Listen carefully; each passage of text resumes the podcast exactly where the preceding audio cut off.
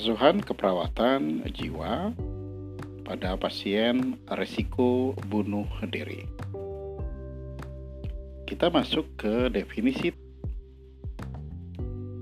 Definisi bunuh diri merupakan tindakan yang secara sadar dilakukan oleh pasien untuk mengakhiri hidupnya. Ada tiga macam perilaku bunuh diri yang pertama adalah isyarat bunuh diri, yang kedua adalah ancaman bunuh diri, dan ketiga adalah percobaan bunuh diri.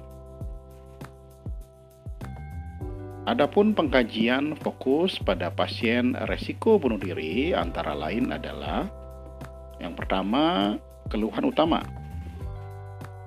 Yang kedua, pengalaman masa lalu yang tidak menyenangkan. Yang ketiga, konsep diri.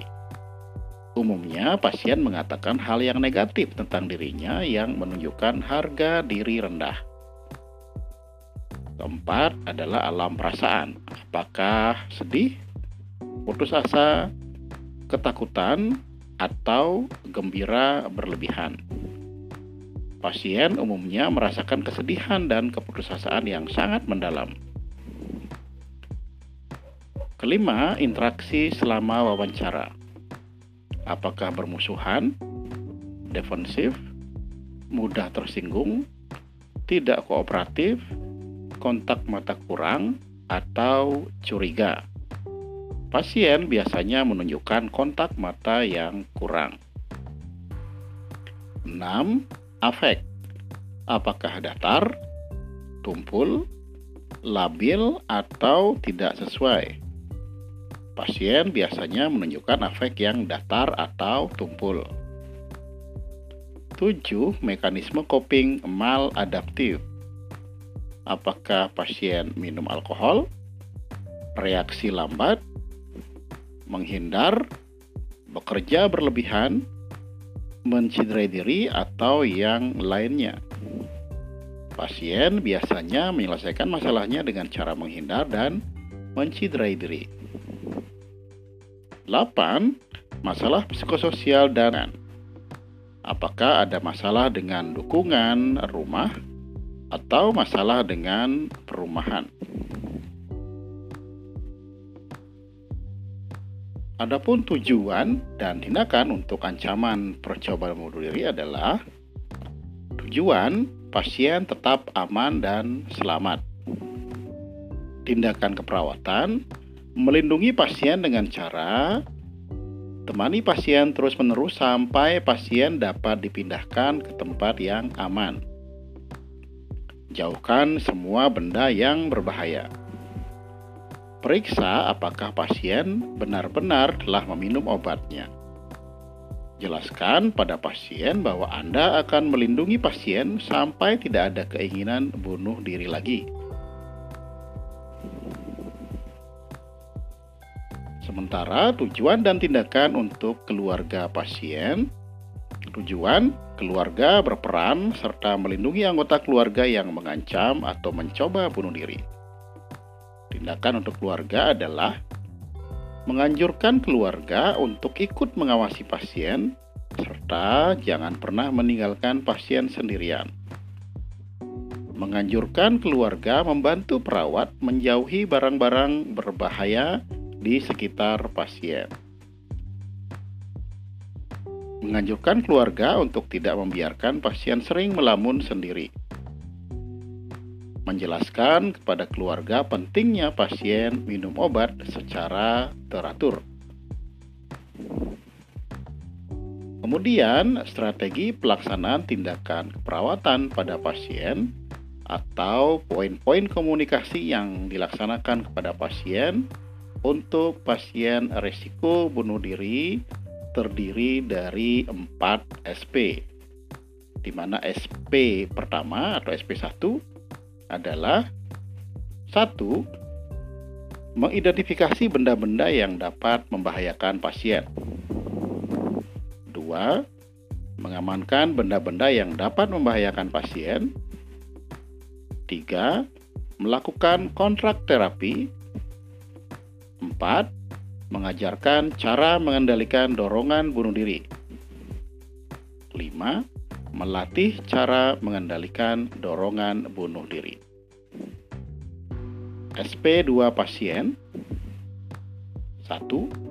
Mengidentifikasi aspek positif pasien. 2.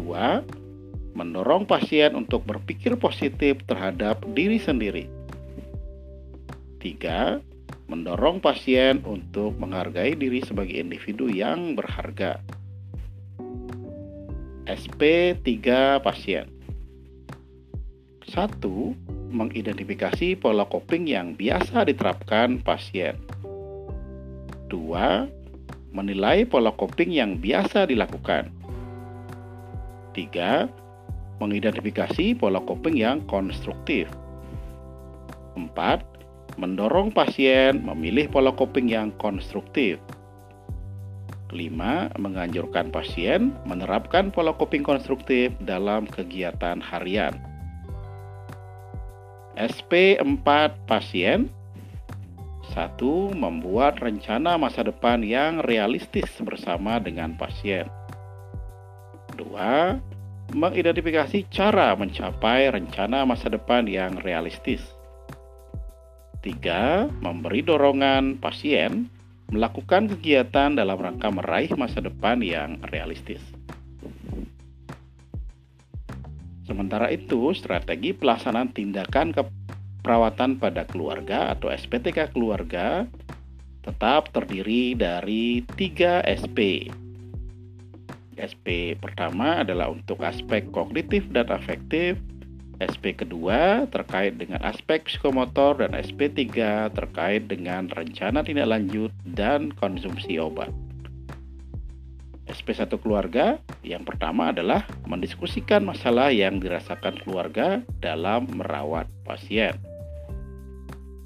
Yang kedua, menjelaskan pengertian, tanda dan gejala, jenis serta proses terjadinya perilaku bunuh diri yang dialami oleh pasien.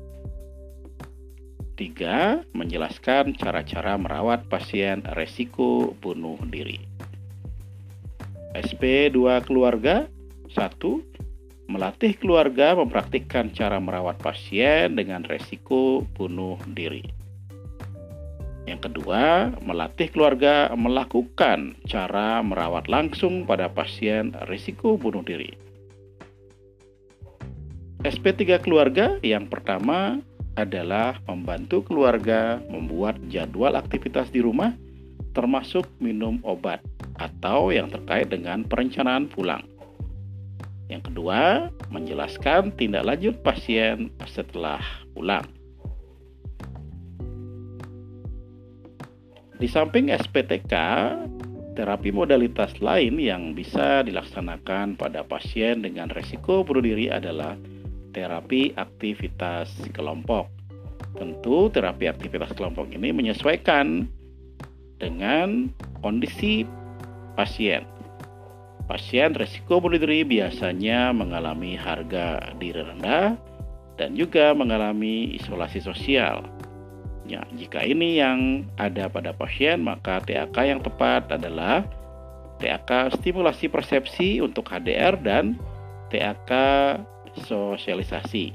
Ini merujuk pada asuhan perawatan jiwa pada pasien HDR dan asuhan perawatan jiwa pada pasien isolasi sosial. Demikian secara ringkas yang bisa kita bahas terkait dengan asuhan keperawatan jiwa pada pasien resiko bunuh diri. Semoga bermanfaat dan salam sehat jiwa.